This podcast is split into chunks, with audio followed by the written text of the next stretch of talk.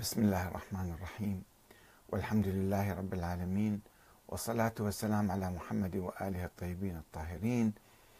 ثم السلام عليكم أيها الأخوة الكرام ورحمة الله وبركاته. نواصل فيما يلي تقديم فصول أو حلقات من كتاب القرآن الكريم سبعة أحرف وسبع قراءات. وهو كتاب مطروح للمناقشة والحوار ولم أبت بما جاء فيه بما جاء في هذه المسودة حتى انتهاء المناقشة العميقة إن شاء الله. فأنا أرحب بردود بردودكم وتعليقاتكم وملاحظاتكم ومناقشاتكم حتى أكمل هذا المشروع. وأطرح هذا الكتاب في محاولة للرد على الشبهات التي أثارها ويثيرها المستشرقون والقساوسة وبعض المسلمين المغفلين الذين يتهمون هذه الفرقة أو تلك أو عموم المسلمين بتحريف القرآن وذلك اعتمادا على ما يوجد في التراث الإسلامي السني والشيعي من روايات أخرى غير ما هو موجود في المصحف المبارك. أقدم الآن قسما من الفصل الثالث من الباب الثاني عملية جمع القرآن في عهد عثمان من كتاب القرآن الكريم سبعة أحرف وسبع قراءات. وعنوان هذا هذه الحلقة هو لماذا تم تكليف زيد بن ثابت بالخصوص بكتابة القرآن. لحظات وسنكون معكم إن شاء الله.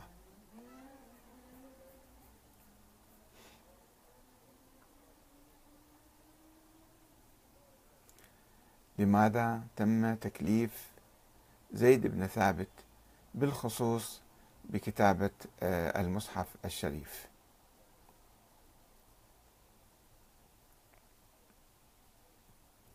لماذا لم يكلف عبد الله بن مسعود مثلا؟ وهو أكبر وأقدم منه.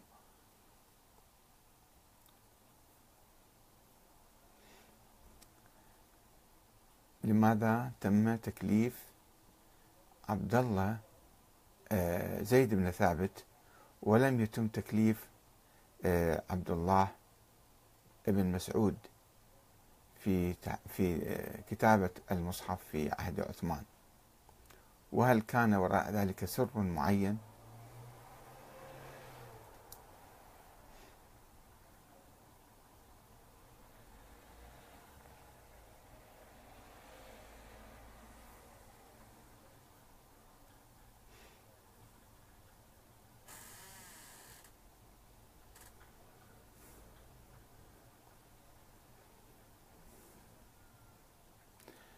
لماذا تم تكليف زيد بن ثابت بكتابة المصحف الشريف في عهد عثمان؟ ولم يتم تكليف بقية الكتاب الكبار كأبي بن كعب وعبد الله بن مسعود.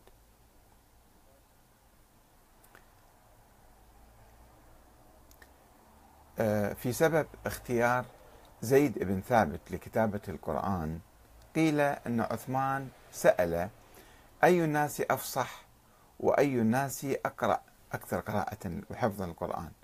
فقالوا أفصح الناس سعيد بن العاص وأقرأهم زيد بن ثابت.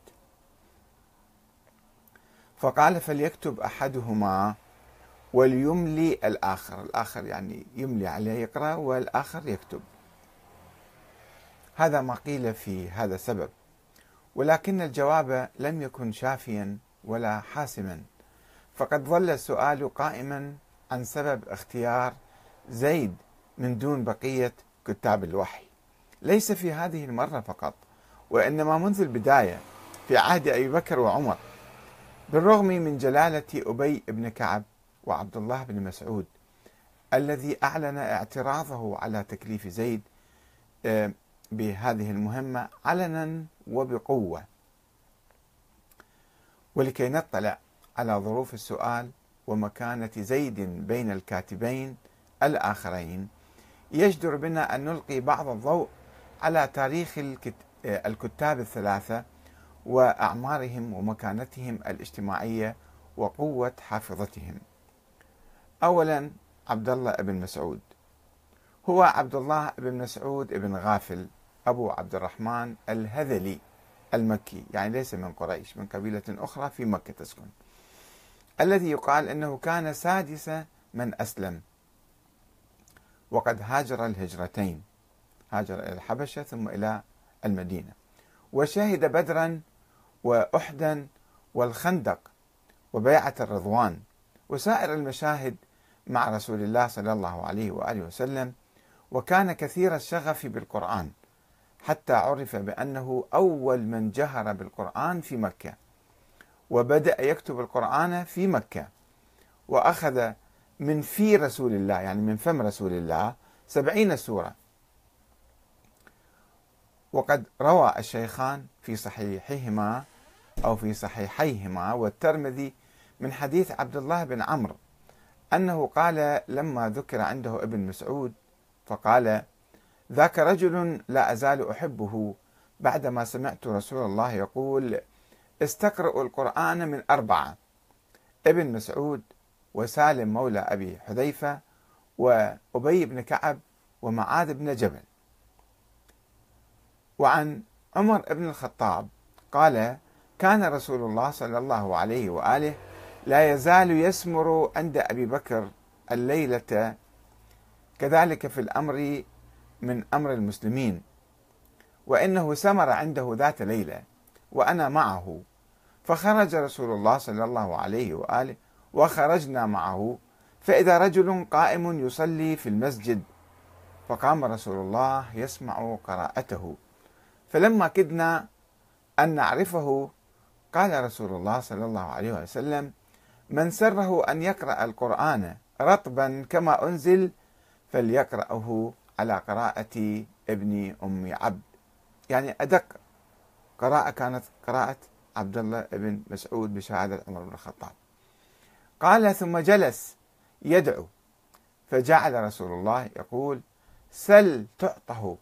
النبي عقب على دعائه قال سل ما تشاء يعني تعطه إن شاء الله الله يعطيك ما تطلب.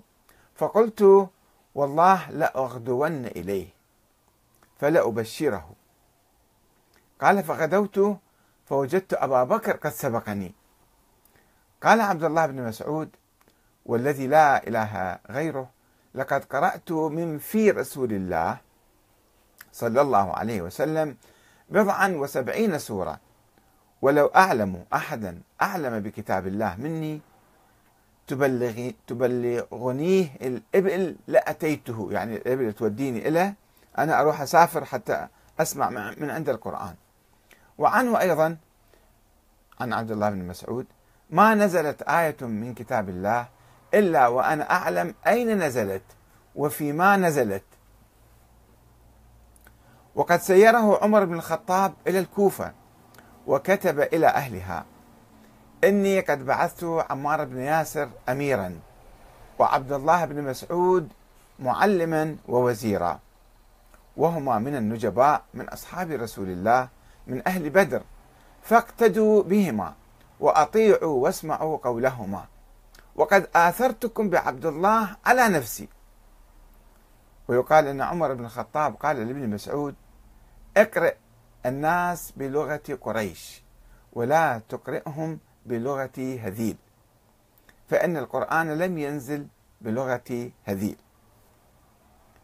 وأخرج ابن أبي داود قال حدثنا عبد الله حدثنا أحمد بن سنان حدثنا أبو معاوية حدثنا الأعمش عن إبراهيم عن علقمة قال وحدثنا عن خيثمة عن قيس ابن مروان قال وهو الذي أتى عمر قال جاء رجل إلى عمر وهو يعرفه فقال يا أمير المؤمنين جئتك من الكوفة وتركت بها رجلا يملي المصاحف عن ظهر قلبه حافظ حافظ القرآن حفظ. قال فغضب عمر. قال من هو ويحك؟ أو ويحك؟ قال هو عبد الله بن مسعود. قال فما زال يطفى ويتسرع عنه الغضب حتى عاد إلى حالته التي كان عليها. ثم قال ويحك؟ والله ما أعلم. بقي من الناس أحد هو أحق بذلك منه. وسأحدثك عن ذلك. كان رسول الله صلى الله عليه وسلم يقول قال من سره أن يقرأ القرآن رطبا كما أنزل فليقرأه على قراءة أم ابن أم عبد. كما يقول السجستاني في كتاب المصاحف صفحة 137 وتوفي عبد الله بن مسعود سنة 32 بالمدينة. ودفن بالبقيع وكان عمره يوم توفي بضعا وستين سنة. هذا مكانة هذه مكانة عبد الله بن مسعود. آه اثنين أبي بن كعب بن قيس الخزرجي الأنصاري. توفي سنة حدود الثلاثين ما في تاريخ مضبوط بدقيق بوفاته هو أحد فقهاء الصحابة وقرائهم وأحد الاثني عشر الذين بايعوا الرسول في بيعة العقبة وزعيما من زعماء الأنصار. الذين استقبلوا رسول الله في يثرب وشهد كل الغزوات معه وكان من كتاب الوحي وأول من كتب لرسول الله عند مقدمه المدينة. وكان أبي إذا لم يحضر دعا رسول الله زيد بن ثابت فكتب ويقال إنه كان حبرا أو حبرا من أحبار اليهود سابقا قبل ما يسلم. وكان من أفضل قراء كتاب الله عز وجل وقد روي أن أبي بن كعب قال سألني رسول الله ما هي برأيك أعظم آية جاءت في القرآن الكريم؟ فقلت آية الكرسي. فضرب رسول الله على صدري وقال لي ليهنئك العلم يا أبا المنذر. كما في صحيح مسلم.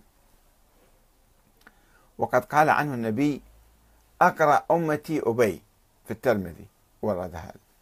وقد أسند إليه النبي مهمة تعليم الوفود القرآن وتفقيهها في الدين. وكان النبي إذا غاب عن المدينة يستخلفه لإمامة المسلمين في الصلاة. وشهد أبي مع عمر بن الخطاب وقعة الجابية التي خطب فيها قائلا أيها الناس من كان يريد أن يسأل عن القرآن فليأتي أبي بن كعب. وامتدحه عمر بن الخطاب بقوله سيد المسلمين أبي بن كعب. وتوفي في خلافة عثمان وقيل في زمن عمر. ثالثا زيد بن ثابت ابن الضحاك الأنصاري وهو أصغر الثلاثة وكان يوم قدم النبي للمدينة طفلا لا يتجاوز سنه إحدى عشرة سنة. وقد رده النبي في غزوة بدر وأحد لصغر سنه وجسمه مع ستة من الأشبال منهم عبد الله بن عمر. فوعدهم الرسول بالغزوة المقبلة فشارك زيد في معركة الخندق سنة خمس من الهجرة. وحمل زيد راية بني النجار يوم تبوك وكانت أولا مع عمار بن حزب آه، فأخذها النبي منه فدفعها لزيد بن ثابت فقال عمارة يا رسول الله بلغ بلغك عني شيء؟ قال الرسول لا ولكن القرآن مقدم. كان زيد يتابع القرآن حفظا ويكتب الوحي للرسول. وقد أمره أن يتعلم العبرية وكان هو من أصول يهودية. فتعلمها في وقت وجيز. يقول زيد أتي بي النبي مقدمه المدينة فقيل هذا من بني النجار. وقد قرأ سبع عشرة سورة فقرأت عليه فأعجبه ذلك. فقال تعلم كتاب يهود فإني ما آمنهم على كتابي. ففعلت فكنت أكتب له إليهم وإذا كتبوا إليه قرأت له. كان مثل مترجم يعني. هؤلاء الثلاثة يشكلون أهم كتاب الوحي. فالأول عبد الله بن مسعود مهاجر مكي هذلي. من أوائل الناس إسلاما والثاني أبي بن كعب أنصاري خزرجي. من أهل بيعة العقبة. والثالث زيد بن ثابت أصغرهم وكان له من العمر عند وفاة رسول الله حوالي عشرين عاما. وقد كان لكل من عبد الله بن مسعود وأبي بن كعب مصحف خاص به. حمله الأول إلى الكوفة وانتشر مصحف الثاني في الشام. بينما لم يكن معروفا عن زيد بن ثابت أنه يحتفظ لنفسه بمصحف خاص. وإنما توجد إشارات إلى أنه كان يحتفظ بقراءة خاصة له أو كان يكتب أحيانا كتابات متفرقة. والسؤال الآن هو لماذا تم اختيار زيد بن ثابت لجمع القرآن وكتابته في عهد عثمان بن عفان رضي الله عنهم؟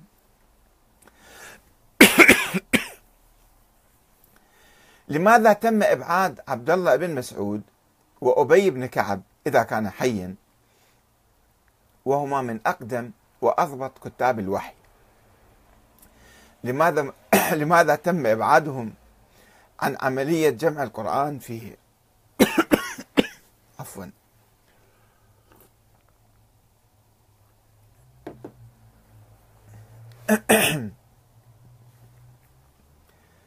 لماذا تم إبعادهم عن عملية جمع القرآن في عهد أبي بكر وعهد عثمان. ولماذا أوكلت المهمة إلى زيد بن ثابت في المرتين؟ بالرغم من أنه لم يكن يحتفظ بنسخة خاصة له. والدليل على ذلك أنه لم يعتمد عليها في عملية جمع القرآن. عندما بدأ يجمع القرآن ما اعتمد على نسخته الخاصة لأنه ما كان عنده هاي النسخه صار يسمع من بقية المسلمين.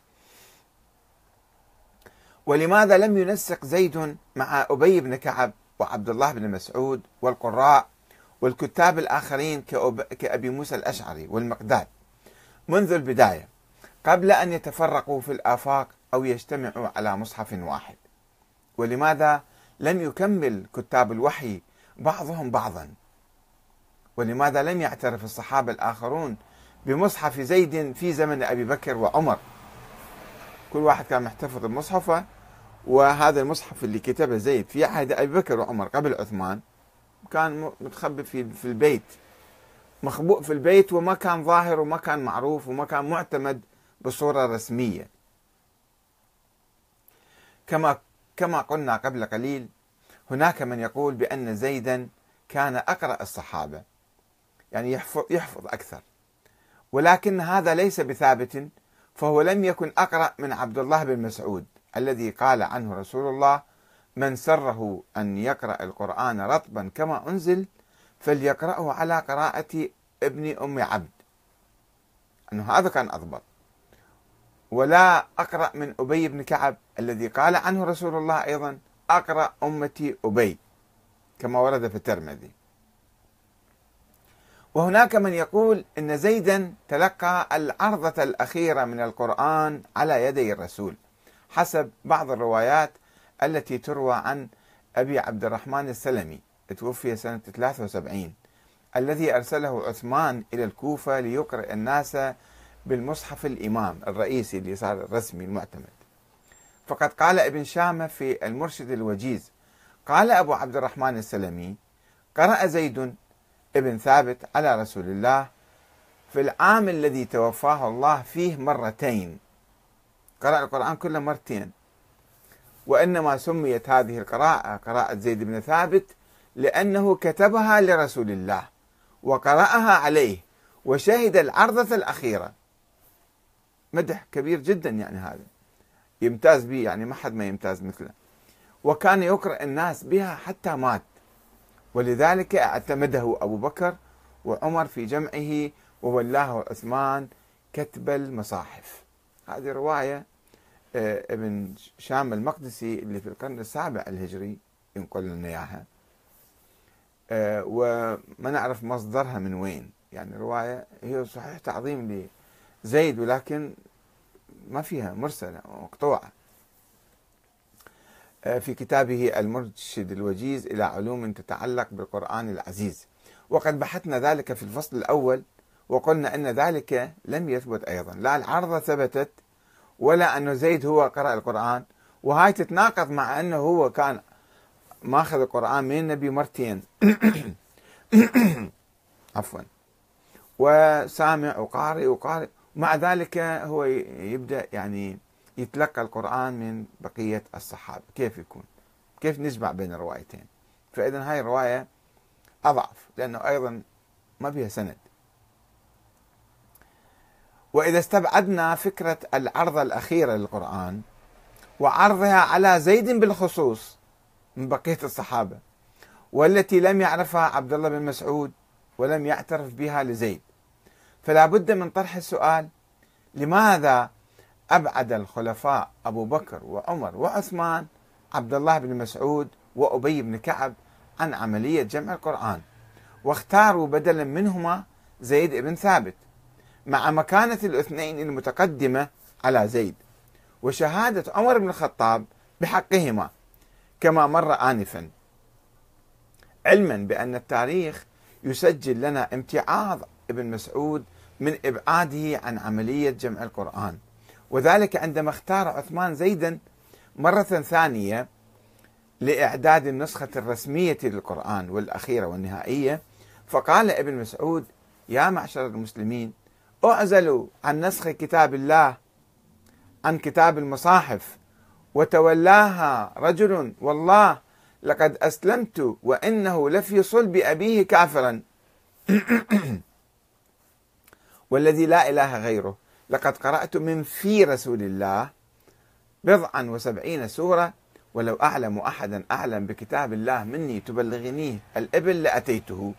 وقال أيضا ما نزلت آية من كتاب الله إلا وأنا أعلم أين نزلت وفيما نزلت. كتاب المصاحف صفحة 17 فلماذا صرف عثمان النظر عنه عن ابن مسعود؟ ولا سيما أن مصحفه ومصحف أبي كانا مأخوذين من فم رسول الله وكانا منتشرين في العراق والحجاز والشام قبل أن يقوم عثمان بتوحيد المصاحف. ولماذا لم يأخذ بشهادتيهما؟ على الأقل في بعض الآيات. وإذا كان أبي ميتا في وقت عثمان فلماذا لم يجمع بين ابن مسعود وبين زيد؟ في حين لم يكن زيد يتبنى مصحفا خاصا به في المرتين لا في عهد أبي بكر ولا في عهد عثمان. ما كان يقول أنا عندي مصحف خاص. لأنه كان دائما يرجع إلى ما يقول بقية الصحابة بشهادة اثنين منهم. ولم يكن المصحف الذي كتبه لأبي بكر وعمر مشهورا ولا منتشرا بين المسلمين ولا مفروضا من الخلفاء بصورة رسمية. وربما لم يكن مكتملا بعد. روى أبو نعيم عن ابن شهاب عن خارج بن زيد بن ثابت عن أبيه. قال لما أمرني أبو بكر فجمعت القرآن كتبته في قطع الأدم وكسر الأكتاف والعسب. فلما هلك أبو بكر رضي الله عنه أي توفي كان عمر كتب ذلك في صحيفة واحدة فكانت عنده. أي على رق من نوع واحد. رق يعني جلد خفيف. فلما هلك عمر كانت الصحيفة عند حفصة زوجة النبي. ثم أرسل عثمان بن عفان إلى حفصة فسألها أن تعطيه الصحيفة وحلف ليردنها إليها فأعطته. فعرض المصحف عليها فردها إليه إليها وطابت نفسه وأمر الناس فكتبوا المصاحف. عن النسخة الرسمية. ورغم أن عثمان أعاد ذلك المصحف إلى حفصة ولم يحرقه مع بقية المصاحف إلا أنه أتلف بعد ذلك بعد وفاة حفصة سنة 41 في زمن الوالي على المدينة مروان بن الحكم آه، حيث طلبه من أخيها عبد الله بن عمر وأحرقه. وقال مدافعا عن وجهة نظره إنما فعلت هذا لأن ما فيها قد كتب وحفظ بالمصحف الإمام. فخشيت إن طال بالناس زمان أن يرتاب أو يرتاب في شأن هذه الصحف أو أن يرتاب في شأن هذه الصحف مرتاب. فحتى أحد يتكلم أنا هذا النسخة ما أحرقها. السجستاني كتاب المصاحف صفحة 24 نعود إلى السؤال. فلماذا إذا تم استبعاد ابن مسعود وابن كعب أبي بن كعب. إن هذا التصرف يثير حقا بعض الأسئلة التي تبقى بدون جواب. لماذا الكتابة بلغة قريش؟ هل كان لذلك معنى سياسي آه، آه، ترافق مع سيطرة الأمويين وقريش؟ أبو بكر لم يأمر بجمعه على لغة قريش. فلماذا قرر عثمان ذلك؟ ومن ضرب به أبو بكر وعمر دعا عمر دعا إلى جمعه على لغة مضر. مضر اللي أشمل العرب في شمال الجزيرة وسطها وشمالها. إذا عدنا إلى رواية البخاري آه، عن قرار عثمان بجمع القرآن اللي هي آه، رقم كتاب فضائل القرآن حديث رقم 4604 إذا عدنا إلى هذه الرواية عن قرار عثمان بجمع القرآن فسنجد فيها عدة نقاط مهمة.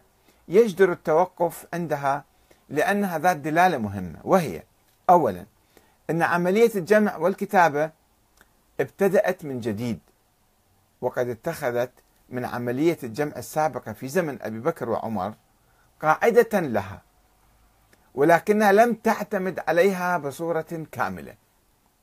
ولذلك فقد أمر عثمان بتشكيل لجنة من الصحابة القرشيين والمدنيين لتدوين القرآن من جديد. اثنين لقد أمر عثمان باعتماد لسان قريش وهذا يعني أو يفترض أن القرآن حتى ذلك التأريخ كان يقرأ بألسن مختلفة أو أحرف متعددة وأنه قد يتعرض للاختلاف بين زيد وغيره من القرشيين. وأن عثمان لم يقر بسلامة قراءة زيد المدني ولم يقر ضمنا بأنه قد شهد أو سمع أو تلقى العرضة الأخيرة للقرآن. كان لازم يكتب على لسان زيد إذا كان سامع ومتلقي العرضة الأخيرة كما يزعم البعض. وإلا لكان عثمان قد ترك زيدا يقرأ كما يشاء إذا هو كان متلقي العرضة الأخيرة. ولما كتب الصحابة المصحف لما كتب آه، آه، وإلا لكان عثمان قد ترك زيدا يقرأ كما يشاء. لما كتب الصحابة المصحف في زمن عثمان اختلفوا في كتابة التابوت. فقال زيد التابوه التابوه. وقال النفر القرشيون التابوت.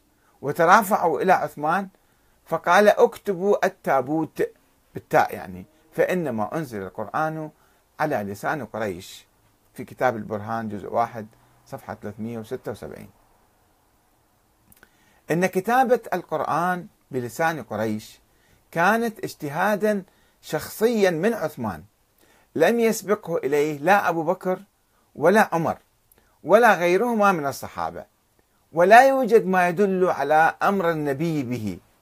ما عندنا أي حديث يقول النبي اقرأ القرآن أو اكتبوه على لسان قريش. وإلا لكان أقرب الكتاب إليه كزيد يعرف ذلك. وهو ما اعتمد آه، رواية زيد. ولم يكن بحاجة لكي يتجادل مع القرشيين حول ذلك. أن زيد يتجادل مع القرشيين هذا تابوت ولا تابو؟ فإذا هو كان متلقي العرض كان يجب أن يحترم وأن آه، تحترم قراءته ولكن عثمان قال لا اتركوا قراءة زيد وأخذوا بقراءة لفظ القرشيين أربعة أن نسخة مصحف عثمان هاي النسخة الموجودة حاليا عندنا في النتيجة اختلفت عن جميع المصاحف الأخرى التي أحرقها عثمان. ومن بينها مصحف أبي بكر وعمر الذي كتبه زيد سابقا وهو إن لم يحرق هذا المصحف الذي كان محفوظا عند حفصة فلأنه تعهد له بردها برده إليها. ثم أحرق فيما بعد. رغم إعادة عثمان ذلك المصحف إلى حفصة ولم يحرقه مع بقية المصاحف إلا أنه أتلف بعد ذلك بعد وفاة حفصة سنة 41 في زمن الوالي على المدينة مروان بن الحكم. حيث طلبه من أخيها عبد الله بن عمر وأحرقه. وقال مدافعا عن وجهة نظره إنما فعلت هذا لأن ما فيها قد كتب وحفظ بالمصحف الإمام. فخشيت إن طال بالناس زمان أن يرتاب في شأن هذا المصحف مرتاب أو يقول إنه قد كان شيء منها لم يكتب. كما في السجستاني كتاب المصاحف صفحة 24 و 44 إن زيد بن ثابت هو الذي قام بجمع مصحف أبي بكر. فلو كان المصحف العثماني نسخة عما في مصحف أبي بكر لكان ينبغي أن يكون زيد هو المرجع في تحديد المكتوب. لا أن يقول عثمان للرهط القرشيين الثلاثة إذا اختلفتم أنتم وزيد بن ثابت في شيء من القرآن فاكتبوه بلسان, قريش فإنما نزل بلسانهم. فقول عثمان هو في الحقيقة إلغاء لمرجعية مصحف أبي بكر الذي كتبه زيد بخط يده حال النزاع. فصارت الأولوية آه، آه، لرجال قريش على مصحف أبي بكر فكيف يكون المصحف العثماني نسخة عن مصحف أبي بكر؟ والسلام عليكم ورحمة الله وبركاته.